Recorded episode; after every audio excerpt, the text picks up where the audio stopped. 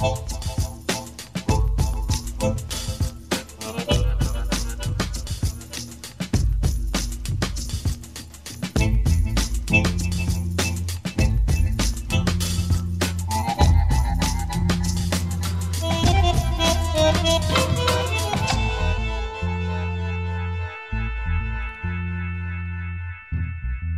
sad već 13, ulazim polako u 14. godinu, živim sa HIV-om, nekih 7 godina pijem terapiju, znači negde na polovini sam počeo. I zaista mogu da kažem, ljudi sa HIV-om koji znaju da imaju HIV i koji su na terapiji, prosto žive najnormalnije. Vlada opšte neznanja oko toga, pa onda ljudi misle i dan danas je tako, bez obzira što smo već u 2017. godine, da prosto uh, kad neko ima HIV, to mu piše na čelo, ne mislim bukvalno, nego ono kao valjda on izgleda, raspada se ili ne znam šta, kako izgleda, a u stvari nije tako. Kada osoba na bilo koji način znači, dobije HIV, a postoje samo tri načina na koja može da dobije, uh, ta osoba postaje HIV pozitivna, odnosno ima HIV infekciju. Dugo godine može da bude bez nekih znakova, simptoma, i tek nakon najčešće niza godina eh, HIV infekcija prelazi u stadijum klinički, odnosno eh, koji mi nazivamo AIDS ili, ili SIDA. Mi pokušavamo i sve snage da nešto uradimo da do te poslednje faze što kasnije dođe, odnosno ako je kako moguće da to zapravo izbjegnemo. A kako to uspevamo? Ukoliko osoba uradi test na HIV na vreme eh, i ako na vreme započne terapiju I ako se pridržava te terapije, kao što zaista prepiše lekar, i redovno pije lekove za HIV, zaista može da živi dugo i vrlo kvalitetno i ni po čemu se neće razlikovati njegov život, osim što će naravno imati upravo taj uh, moment vezan za uh, uzimanje lekova. U svojoj 29. godini, tačno 2004. godine, sam prilikom već učestalih rutinskih testiranja u Mađarskoj uh, dobio rezultat koji je negativan, a u stvari doktor mi je rekao kajne pozitive, kajne negative na nemačkom. Ja nisam ni pozitivan ni negativan. I imao sam osjećaj tada, znate, kao kada je čovek u pijenom stanju, pa mu se sve vrti. A ja sam imao drugačiji osjećaj. Sve je stajalo oko mene, a ja sam se vrteo u mestu neverovatnom brzinom, kao da sam samom sebi kopao rupu u kojoj propadam. Morao sam odmah da se vratim za Beograd, došao sam ovde. U to vreme ja sam jedan od onih pobornika bio da kompjuteri zaglupljuju ljude i nisam imao kompjuter. I neka logika mi je govorila da uh, se obratim na infektivnu kliniku. Otišao sam tamo i kada sam ušao u dvorište i video zgradu koja tek što se ne sruši sa ogromnim rešetkama na svim prozorima, uplašio sam se. I nekako kao ščučuren sam se okrenuo, izašao, imao sam osjećaj kao da me e, svi doktori u toj zgradi gledaju. A onda sam jednog svog tadašnjeg prijatelja koji je imao kompjuter pitao da li on zna možda gde bih ja mogao da ponovo odradim testove. Proguglo je tamo i rekao, evo imaš E, gradske zavode, a imaš i e, privatne laboratorije, jeftino je, dobijaš brzo rezultate i tako sam ja otešao u privatnu laboratoriju. Uradio sam test, nakon tri dana kada sam došao po rezultate, druga doktorka je radila i ona mi je uručila rezultat i kaže s vama je sve u redu, međutim onog trenutka kada je trebala da mi uruči rezultat, onda je videla napomenu doktora ispod, gde stoji da ipak postoji neka sumnja i da ja moram da se obratim nekoj državnoj instituciji. I onda sam ja, naravno, postavio pitanje gde bih mogao da obavim test. Normalno, odmah me uputila na infektivnoj klinici, ja sam njoj rekao, ne, molim vas, samo ne tamo, ili može, ne, da li znate negde druga? Kaže, e, studentska poliklinika. Rekao, da, ali ja e, s jedne strane nisam iz Beograda, iz Vršca sam, s druge strane nisam student. Ne treba da ste student Ja tada to nisam znao da tamo mogu prosto deca od 7 do 77 da odu i da im ne treba ni lična karta, ni zdravstvena, ništa. Otešao sam tamo i tada sam upoznao doktorku Milu Paunić, koja po meni, ja svaki put kada pričam o svom iskustvu, ja kažem da je to uh, zaista od svih doktora koje sam upoznao tokom svog zdravstvenog stanja, jedina osoba koja je prosto rođena za taj posao. Ima tako uh, topao i mio pristup s ljudima.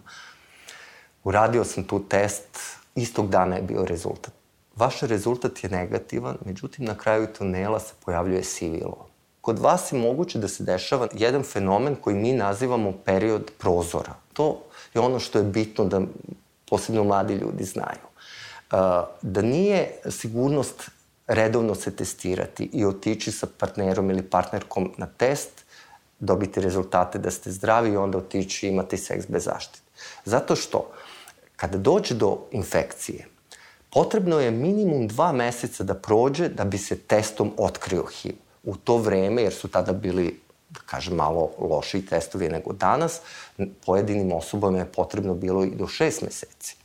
I tada je u stvari počeo pakao. Šta ako bude rezultat pozitivan? Šta ću ja? Kada sam došao nakon dva meseca, ponovo, rezultat je ponovo bio isti. Negativan, ali sa tendencijom da bude pozitivan. Znači, tek sledeći put, opet nakon dva meseca kada sam, pojav, sam se pojavio, sam dobio konačno rezultat da sam pozitivan. Imao sam osjećaj kao da mi je pao veliki teret i kamen koji me tih šest meseci pritiskao. Jer e, svih tih šest meseci iščekivanje, zebnja, strah, a prosto nemate kome da se obratite, koga da pitate. I sledeći korak je odlazak na infektivnu kliniku, prosto tako nalaže procedura. Naravno, nisam imao drugog izbora, otišao sam. Oni su zaista se trudili, ali to nije bilo dovoljno. Prosto uvek vam treba još neka informacija. Ono što je mene posebno začudilo to da uh, i dan danas se tako osjećam, da kada odem na infektivnu kliniku, ja se osjećam kao da sam došao u svoju kuću, među svoju porodicu. Pacijenti koji žive sa HIV-om, uh, koji se vrate, vrate se najčešće zbog toga što im je vrlo udobno uh, sigurno, da kažem, na neki način da pričaju i da budu u našem savjetovalištu i vrlo često svoje neke brige iznose brojna pitanja, jer oni praktično i nemaju gde sve to da pitaju. Lekari opšte medicine zaista nemaju vremena. Ja potpuno razumem kolege opšte prakse koji su prebukirani. Sad zamislite, čeka vas napolju 30 pacijenata, a vi treba sa pacijentom da razgovarate o puno pitanja, između ostalog nešto što je njima takođe važno, a to je znači, njihov seksualni život, kako će ga oni uopšte dalje voditi. Ja, meni je bilo vrlo simpatično kad me jedan kolega jedan pitao Pa koleginice, pa zašto vi onda ne objasnite da oni ne mogu da imaju seksualni život dalje?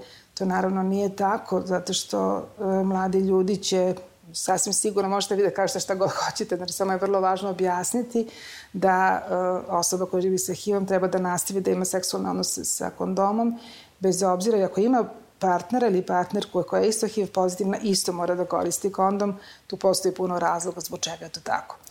Dakle, e, ljudi koji žive sa HIV-om sigurno e, da imaju e, potrebu da razgovaraju sa onim koji ih razumeju.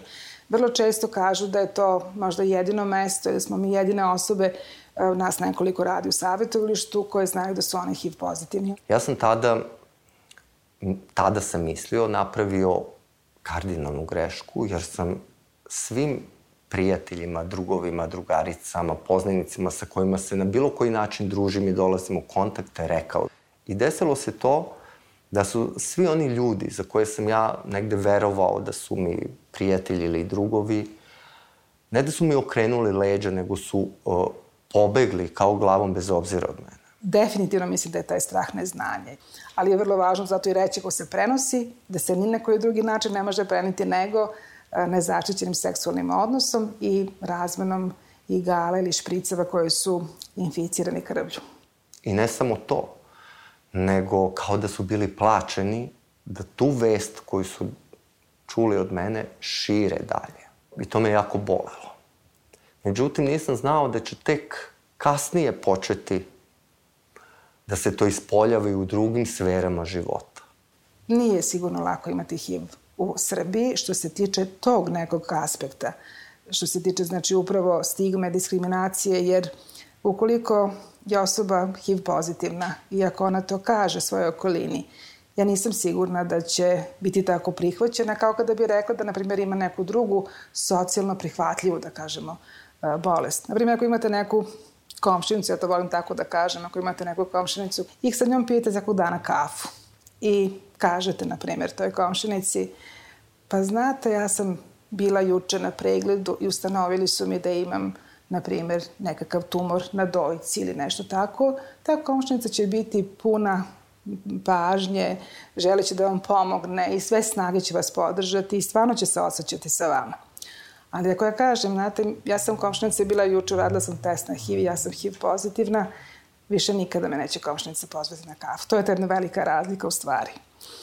E, to je možda manje važno, da ćemo da pijemo kafu ili nećemo, nešto od čega živimo je, na primjer, da li ćemo imati posao ili nećemo. Dešavalo se da pacijenti koji saznaju da imaju HIV infekciju, ali saznaju njihovi pretpostavljeni, dešavalo se da ti ljudi dobiju otkaz. To je potpuno, naravno, neprihvatljivo i mislim to je nekakav apel, ne znam kako bi ga nazvala, da se ta, zaista tako nešto ne dešava.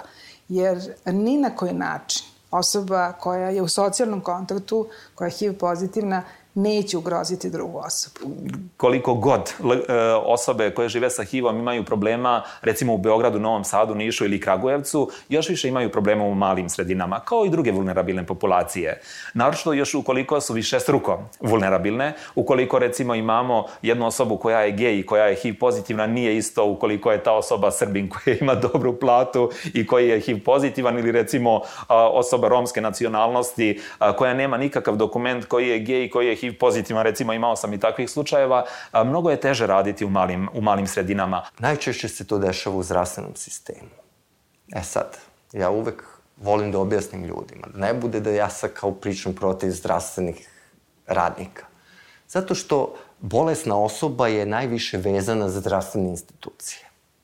S druge strane, HIV pozitivna osoba je osoba kao i svaka druga osoba. Razboljeva se od svega drugog kao i svaka druga osoba ovo, ovaj HIV je samo dodatna. Na infektivnoj klinici lekari su infektolozi i leče isključivo HIV i ništa drugo. Ali ako me zaboli glava, ako sam polomio nogu, onda idem kod uh, jel, ortopeda, ako sam imam problema s očima kod oftalmologa, ako sa zubima kod stomatologa, e, tu nastaje problem. I tu nastaje velika dilema koja je i dan danas izraženo zastupljena među HIV pozitivnim ljudima. Da li biti čovek pošten, iskren i reći, posebno svom stomatologu, ili biti neiskren, čutati, sesti na stolicu i pustiti. Neka anketa je napravljena gde su pacijenti pozivali stomatološke ordinacije i rekli da su da se radi o HIV pozitivnim pacijentima. Odnosno ne na početku, prvo su pozvali i rekli da bi trebalo da urade to i tu stomatološku intervenciju. Bio je uključen i privatni sektor i, i državni. I listom nakon što su rekli da, su, da ali samo da kažem na kraju, ja sam HIV pozitivan pacijent, o, izvinite, e, nemamo dovoljno instrumenta, ipak smo prebukirani. Znači, nekakve su bila nekakva izvinjenja i zapravo su pokušavali ljudi da izbjegnu da rade sa pacijentom koji je HIV pozitivan. Često se to na kraju završavalo da, da su to pojedinačni slučajevi, da je to redkost, naša reč protiv njihove ili kad, čak i kad su neki uložili žalbu, tada su još postojali oni zaštitnici pacijenata u okviru određenog doma zdravlja i onda kao e, vi se žalite na lekara, a opet taj zaštitnik plaćen je od iste te ustanove, prosto kao vrzino kolo, kao i da niste uložili žalbu i ljudi su prosto i prestali da se žale. Negde su se pomirili sa tim da ono, i onda imate bukvalno i to je tako dve grupe ljudi. Oni koji, kažem, ja sam bitan samo samom sebi, samo sebi, ja idem kod lekara, ja nikom ne govorim ništa i ja dobijam normalnu zdravstvenu uslugu. Znači, ne samo kod stomatologa, bilo gde. Posebno ako su u pitanju hiruške intervencije. Ljudi sa kojima radim i koji su korisnici mogu udruženja i sa kojima se družim su imali mnogobrojne iskustva. Recimo, na transfuzijama krvi U upitniku stoji pitanje da li ste u poslednjih šest meseci imali analni seksualni odnos. Samo to pitanje.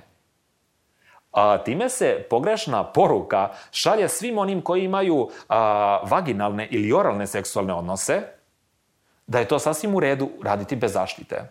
Ja sam pokrenuo pred kancelarijom zaštitnika građana protiv transfuzije u stvari jedno, nije to tužba, već da se preispita taj upitnik, jer oralni, analni i, se, i vaginalni seksualni odnos trebaju da budu sa zaštitom. Sva tri seksualna odnosa, svi su rizični po nešto. A ovako, kažem opet, i e, što se tiče analnog seksualnog odnosa, ne piše a, zaštićeni, već da li ste u poslednjih šest meseci imali analni seksualni odnos? Problem je nastao kada sam trebao terapiju da.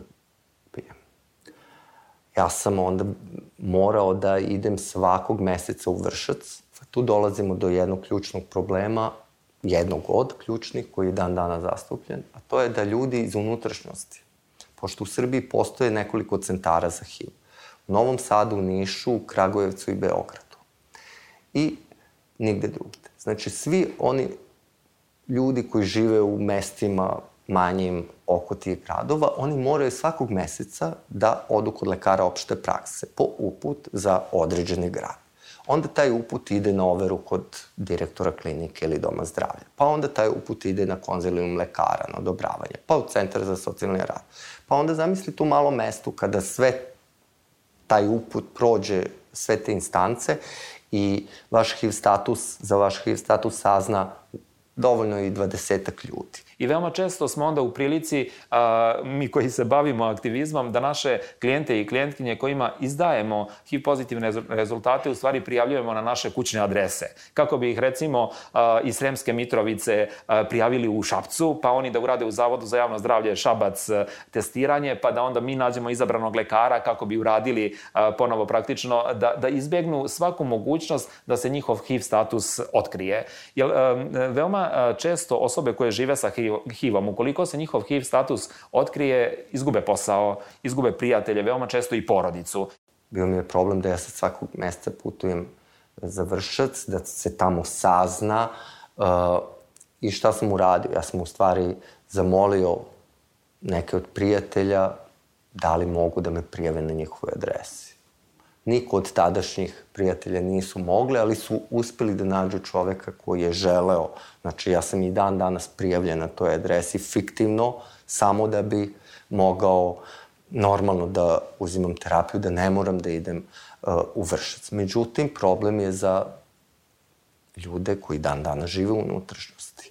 Neki koji prosto nemaju mogućnosti da se prijave, nemaju svi, neće svako da prijavi nepoznatu osobu na, uh, na svoju adresu. Uh, mi smo negde pronašli tu način da im na neki način pomognemo. Tako što mi, naravno, uz, dobijemo saglasnost njihovu komunikaciji sa lekarima, uh, mi podižemo lekove za njih i onda im šaljemo.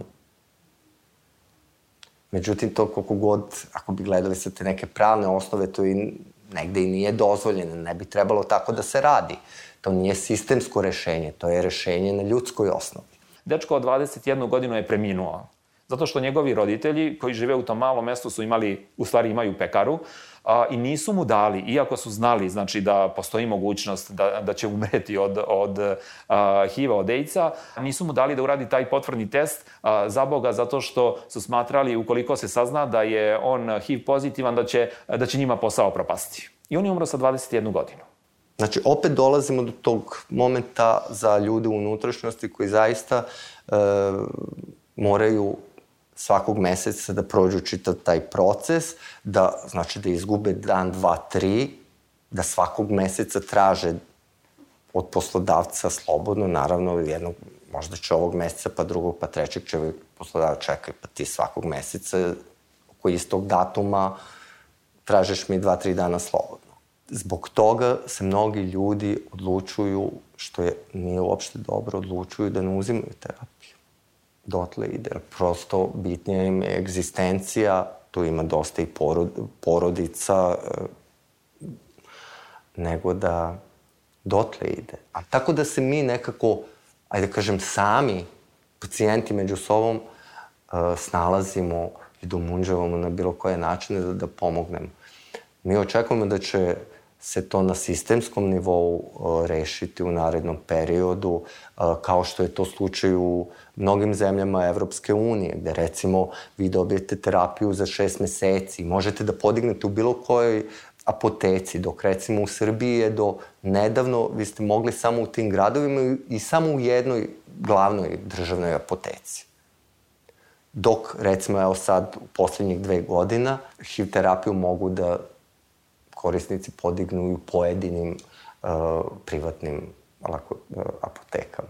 Što se tiče samog lečenja osoba koje žive sa HIV-om, ono što je dobro da svaka osoba koja želi da se leči, to je opet, moram da kažem, njihova odluka, uh, ima besplatnu terapiju.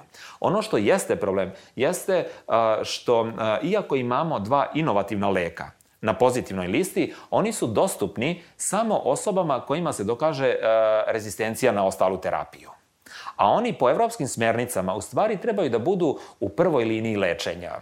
Zato što su kvalitetni, zato što se pije samo jedna tableta u toku dana, dok se sa druge strane u kombinaciji ostalih lekova pije dosta.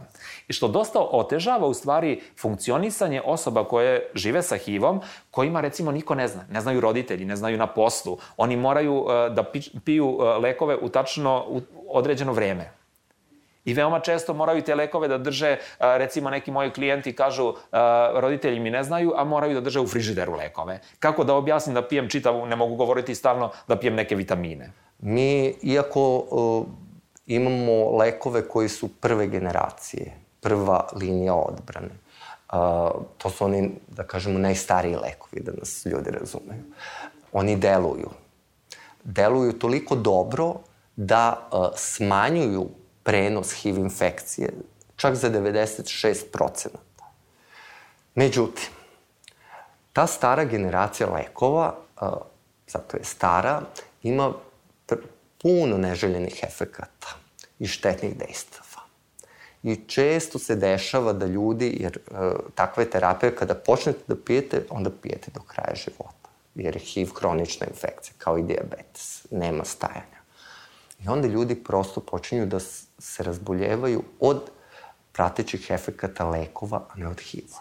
I onda osobe često zbog tih lekova izgledaju bolesni jer budu jako mršavi i ekstremiteti se stanje. To je sa tom starom. E sada e, je država Srbija u poslednjih par godina uvezla e, odnosno stavila na pozitivnu listu već broj e, lekova. Da sve u stvari više mladih osoba imamo koje su HIV pozitivne. Osoba koja koristi nekada neadekvatnu terapiju a, prosto neće biti ni radno sposobna.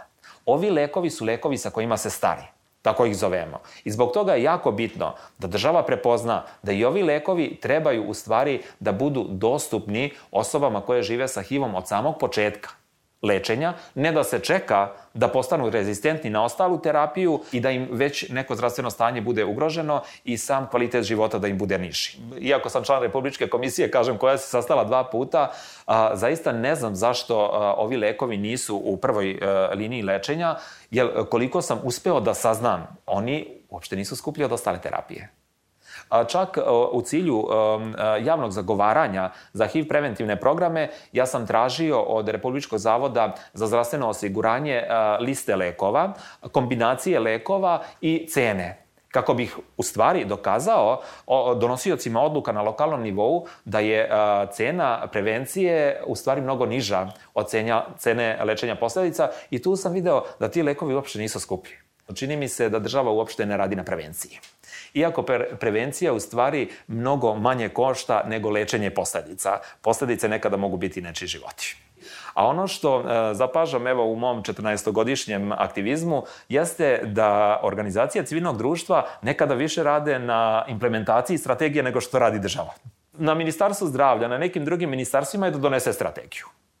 A onda Da li će ona biti implementirana, veoma često nema novca za to, mada to nije zaista opravdanje ili imamo razne fondove. Ukoliko organizacije civilnog društva mogu da nađu fondove da finansiraju aktivnosti i strategije, ja verujem da to može da uradi država. Što se tiče strategije za, za HIV, nažalost, ona istekla 2015. godine. I to je dovoljno govori u stvari koliko Srbija radi na prevenciji HIV-a. To je jedna stvar. Znači, nacionalna strategija za HIV istekla 2015. godine, sada se trenutno radi, ja se nadam da će biti do kraja ove godine i završena. Član sam Republičke komisije za HIV i tuberkulozu koja je se u poslednje tri godine sastala samo dva puta. Ministarstvo zdravlja od 2014. godine, u stvari ono nikada nije ni finansiralo HIV preventivne programe kada su HIV preventivni programi znači u pitanju prema vulnerabilnim populacijama, jeste 8 godina finansirao globalni fond iz Švajcarske, 2014. godine to finansiranje je prestalo. Od 2014. godine asocijacija Duga je uspjela od nekoliko jedinica lokalnih samouprava i od nekoliko kompanija u stvari da dobije finansijska sredstva za prevenciju HIV-a, od IAS-a i od nekoliko međunarodnih donatora, ali Ministarstvo zdravlja ni u jednom trenutku nije odvajalo apsolutno nikakva finansijska sredstva za e, prevenciju HIV-a u vulnerabilnim populacijama, što je jako bitno. Čim je globalni fond otišao, praktično sve je prestalo. Mi veoma često iskoristimo velike sume novca za neke programe. Više od 20 miliona eura je potrošeno u tom osmogodišnjem periodu za uspostavljanje preventivnih programa u Srbiji među različitim vulnerabilnim populacijama i 2014. godine sve je prestalo. Od osam mobilnih medicinskih jedinica koje mi imamo u Srbiji, samo su dve registrovane. To se vidi na terenu. 2015. godine u odnosu na 2014. godinu mi smo u Srbiji imali povećanje za 38% novo otkrivenih slučajeva HIV infekcije često se dešava, lično nisam imao taj problem, ali pojedine kolege imaju problem da recimo e, kada postoji projekat koji je finansiran, onda recimo na određeno predavanje ili tribinu, edukaciju mladih, onda hoće pet lekara da dođe da priča, pet aktivista, pet e, e, socijalnih radnika. A kada je ta ista aktivnost, ali bez novca, bez donacije, kada znači nema honorara, onda je tu već se često dešava da se pronalaze razno razni razlozi, prezauzet sam i tako, e da si mi javio dana ranije i tako to. Jer veoma često i od ljudi koji rade u kancelarijama za mlade ili u kancelarijama Crvenog krsta kažu kakvo testiranje pa mi odemo na transfuziju i damo krv. Ja pitam, dobro, a da li ste ikada čuli za period prozora? Oni me gledaju bledo. A period prozora je u stvari period od dva meseca kada nijedan test ne otkriva antitela koje organizam proizvodi da bi se odbranio od HIV-a i test može biti lažno negativan. Oni to ne znaju. Ukoliko ne znaju te sitnice, zaista ne mogu da se bave prevencijom. I to može zaista biti vrlo opasno. Edukacija, to je nešto što je zaista uh, nama definitivno nedostaje u Srbiji, već ja ne znam više koliko godina, možda nekih 14, 15, možda godina unazad, redko, redko entuzijasti, da kažem, u ovoj oblasti, oblasti zdravstvenog vaspitanja, pokušavaju da uvedu zdravstveno vaspitanje u škole. U jednom trenutku, negde 2007. 8. godine, zapravo je i uvedeno na godinu dana kao fizičko zdravstveno vaspitanje, nakon toga je nestalo. Uh, ja sam bila direktno uključena zato što sam i specijalista zdravstvenog vaspitanja i pokušavala u više navrata da nešto uradimo na tom polju. Pokušaj neki postoje, koliko sam razumela i čula poslednjih godinu dana, ali ja zaista ne znam da li je nešto urađeno. Zdravstveno vaspitanje je neophodno od prvog razreda osnovne škole. Znači zaista i sve vreme školovanja.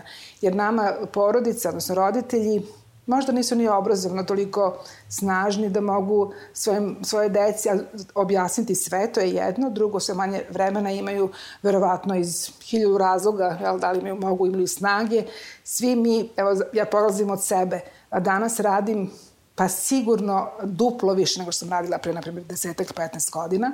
A mnogo manje slobodnog vremena imam, tako da kad bi ja imala sada malo dece, ne bih imala vremena da im se toliko posvetim, da sve to objasnim. Zato je tu, evo kažem, i škola koja bi trebalo da preuzme i vaspitnu ulogu. Znači ne samo obrazovnu, nego i vaspitnu, jer definitivno nama zdravstveno vaspitanje jako, jako, na jako niskom nivou. Mi imamo zaista povećanje i osoba koje su heteroseksualne i koje se na taj način u stvari inficiraju i e, praktično sve zbog toga što ve, većina a, njih, a, kada radimo recimo ulično testiranje, a, kaže ma to je za, za gej osobe, nemam ja potreba da se testiram zato što, što sam straight ili tako nešto. I onda kažu, uh, ah, on je promiskuitetan ili ona, a nije tako.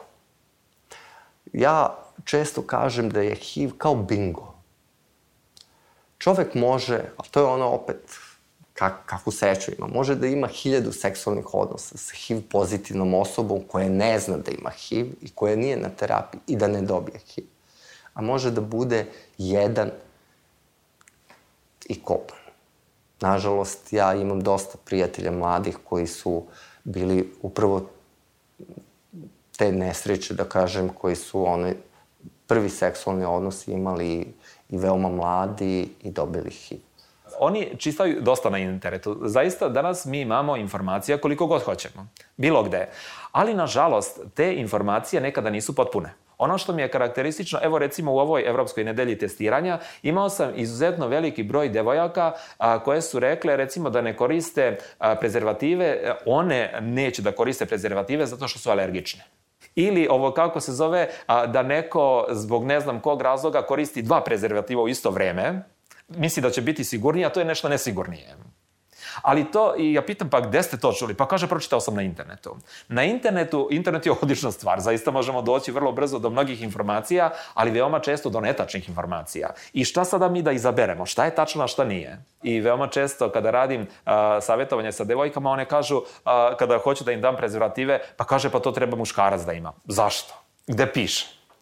Gde piše, ti čuvaš svoje zdravlje. Ono što je bitno i kada, i kada ih pitam, da li vi znate da su devojke u stvari u heteroseksualnim odnosima u mnogo većem riziku nego muškarci, I da bi u stvari bolje bilo da vi stalno nosite i ukoliko on kaže nemam prezervativ, vi izvadite iz žepa pa kaže ja imam.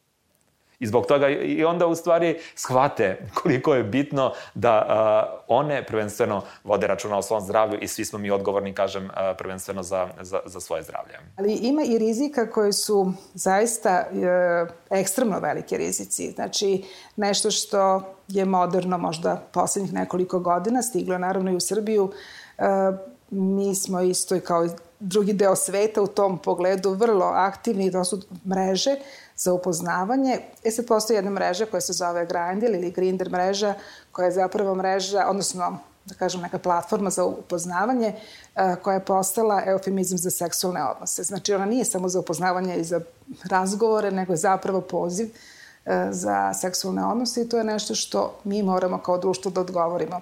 Mislim da zdravstvo samo ne može, jer je to i tekako zahtevno, ali da ne smemo da žmurimo. Čini mi se da je jako, jako važno nešto na tom polju raditi, jer neka anketa koju smo prošle godine radili pokazuje da nama najveći broj HIV pozitivnih, novih HIV pozitivnih pacijenata zapravo su pacijenti koji su koristili Grindr.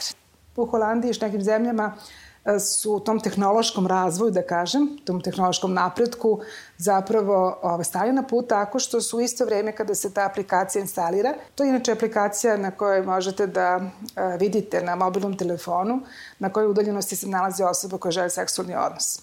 Paralelno sa tim zapravo se desi na telefonu da dobijete jedan oblačić koji, na kom piše da se najveći broj eh, HIV infekcija prenosi upravo ovim, ovim putem ili najveći broj sifilisa ili nekih poloprenosnih infekcija može dobiti ukoliko koristite Grindr. Znači, to je zaista jako važno. Mislim da mi tu nismo spremni. Ja sam nedavno na jednom kongresu našem prikazala upravo te rezultate. Bilo je ljudima zanimljivo i to je sve. Znači, mnogi nisu uopšte ni čuli, malo su se nasmeli, bilo je duhovito i tako, ali mislim da je jako, jako važno, vrlo ozbiljno upravo ovom problemu ove prići, jer e, i edukaciju, naravno, mladih ljudi, koliko je to zapravo, koliko, koliko velike rizike nosi. Veoma često uh, jeste problem u samom, samom prosvetnom sistemu. Kada škola, nije bitno da li je problem sa vršnjačkim nasiljem ili nekim digitalnim nasiljem, nekim drugim problemima, gura to po tepih. Ne, u našoj školi je sve u redu. To jeste vrlo problematično, ali ima onih koji su spremni da priznaju i da pozovu, nije bitno što smo mi nevladina organizacija, ukoliko smatra, smatraju da imamo ekspertizu, da možemo pomoći, veoma često nas zovu i to jeste zaista jako dobro. Ali to opet dolazi sve od pojedinaca. Mi recimo često i opet kažem, gledamo da to ne bude samo Beograd, da to budu i gradovi i manja mesta po unutrašnjosti. Upravo radimo na edukaciji mladih, kako srednjoškolaca, studenta, povremeno i osnovaca, jer da bi se uradila edukacija, vi morate imati i e, odobrenje škole, pa odobrenje roditelja. Primer radi prošle godine je grad Beograd e, e, zajedno sa mojim udruženjem Mass Centar proveo e, čak 21 trening smo održali za učenike iz 37 srednjih škola u Beogradu. 311 vršničkih edukatora smo edukovali i sad ti edukatori imaju zadatak da sve, sve to znanje koje su stekli prenesu svojim vršnjacima. i to je bilo prošle godine. Ove godine je to nešto u mnogo manjem obimu i neka druge organizacije rade, ali se pokazalo jako dobro i velika zainteresovanost džaka, što je nas veoma iznenadilo, jer smo se mi često susretali s tim po raznim sastancima, okruglim stolovima, da organizacije uglavnom imaju problema ili škola neće da učestvuje, neće da odobri takve aktivnosti ili ako škola odobri, onda roditelji neće, šta oni sad tu da pričaju moje dece o seksu i ne znam čemu šta. Međutim, mi smo se zaista iznenadili da smo imali toliko veliki odziv i toliko uh, puno odobrenja od strane roditelja. E, to su oni momenti zbog kojih negde moj život sada ima smisla. I negde uh, ovaj HIV, koliko god je opasna bolest, u stvari mene načinilo boljim čovekom i usmerilo me ka tome da uh, sve one greške i sve one loše momente koje sam imao i one loše odluke koje sam kroz život doneo, uh, pretočim tako da ne uradi iste te stvari ta mlada osoba. Mislim da zdravstveno vaspitanje ne smemo prepustiti entuzijazmu e, pojedinaca.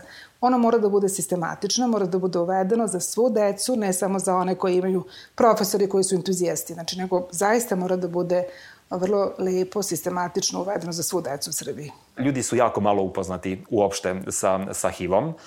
Ljudi se plaše čak i same osobe koje žive sa HIV-om, koje sam savjetovao, kojima sam izdao HIV pozitivan rezultat i koji znaju praktično sve načine prenosa, veoma često imaju tu vrstu autostigme. Oni kažu da bi sačuvali svoju porodicu, a, oni veoma često a, nose asepsol ili recimo a, vlažne maramice stalno sa sobom i onda ako uhvate za nešto za što zna da će uhvatiti njihova majka, otac, brat ili sestra, oni to brišu. Iako znaju da na taj način praktično HIV ne može da se prenese, ali prosto žele da čuvaju na neki način e, druge. I onda kada, kada gledam te ljude koje žive sa HIV-om i koji imaju apsolutno sve informacije, nekada mi nije ni čudo što e, drugi ljudi e, ih na neki način izbegavaju zato što oni imaju još manje informacije, čini mi se. I tu e, kako e, je kriva država, toliko smo krivi u stvari i mi koji se e, bavimo ovim poslom, jer smatram da još dovoljno nismo uradili da razbijemo u stvari tu stigmu, predrasude koje vladaju i prema osobama koje žive sa HIV-om i prema drugim vulnerabilnim populacijama. Mislim da ipak još ne radimo dovoljno i tu na prvom mestu bi zaista trebali da nam budu mediji, partneri koji zaista mogu dosta dosta toga da prenesu, da kažem, široj javnosti. Samo napravite neku analizu koliko će ljudi u medijima izgovoriti ili napisati ta i ta osoba je priznala da je HIV pozitivna. Ili je, na primjer, često se kaže priznala da je gej. Priznanje, priznati nešto je obično u policiji. Kada uradite nešto loše, kada neku uradite nešto što nikako nije prihvatljivo. I kada kažete priznao da je HIV pozitivan, nesvesno zapravo kod ljudi napravimo upravo već taj početak stigme. Jer na, već smo ga ukrivili. Znači, time što je on priznao nešto, on je neku krivicu priznao, nešto je loše uradio i on, on je automatski već stigmatizovan. A to se nekako i odomaćilo. I e, vrlo često i kolege i, mislim, mi, lekari, profesionalci čak, ovaj, u ovom poslu nekada to izgovore. Meni to naravno jako smeta i to odmah ovaj, registrujem, ali vidim da mnogi ljudi to možda ne registruju tako lako, tako ne shvataju u stvari da je to ta tiha stigma koja se dešava mimo možda nečega što smo svesni. Ja kad držim seminare i predavanja za kolege, Imam primer jedan gde je jedan novinski članak koji na prvi pogled, kad sad kad ga čitate, na primjer putujete negde i čitate jedan članak koji je vrlo interesantan i se osjećate sa nekim mladićem koji je prošao pakao za toga što je radio test na HIV zbog neke devojke koju je upoznao, koja je, ne znam, za koju su ispostavili da je HIV pozitivni. Sad kad čitate onako, možda se osjećate koliko je taj momak e, puno propatio ali je provučeno kroz celu priču neverovatna, neverovatna stigma prema osobi koja je HIV pozitivna. E, I to, naravno, kad se analizira, vi vidite u svojoj da ste napravili ogromnu štetu. Na prvi pogled deluje da je to uh, empatiju, napravite empatiju prema osobi koja je išla da uradi test, koja je čak razmišljala da izvrši samoubistvo, koja je HIV pozitivan i tako. Mislim, vrlo je dramatično napisan tekst, ali kroz ceo tekst je provučena neverovatna stigma prema osobi koja živi sa HIV-om. Mislim, to je proces, to će trajati i trajati, a jedan naš čuveni, inače, naučnik je rekao da će stigma pasti uh, onog momenta kad svako od nas bude imao nekog koga puno voli, a ko je HIV pozitivan.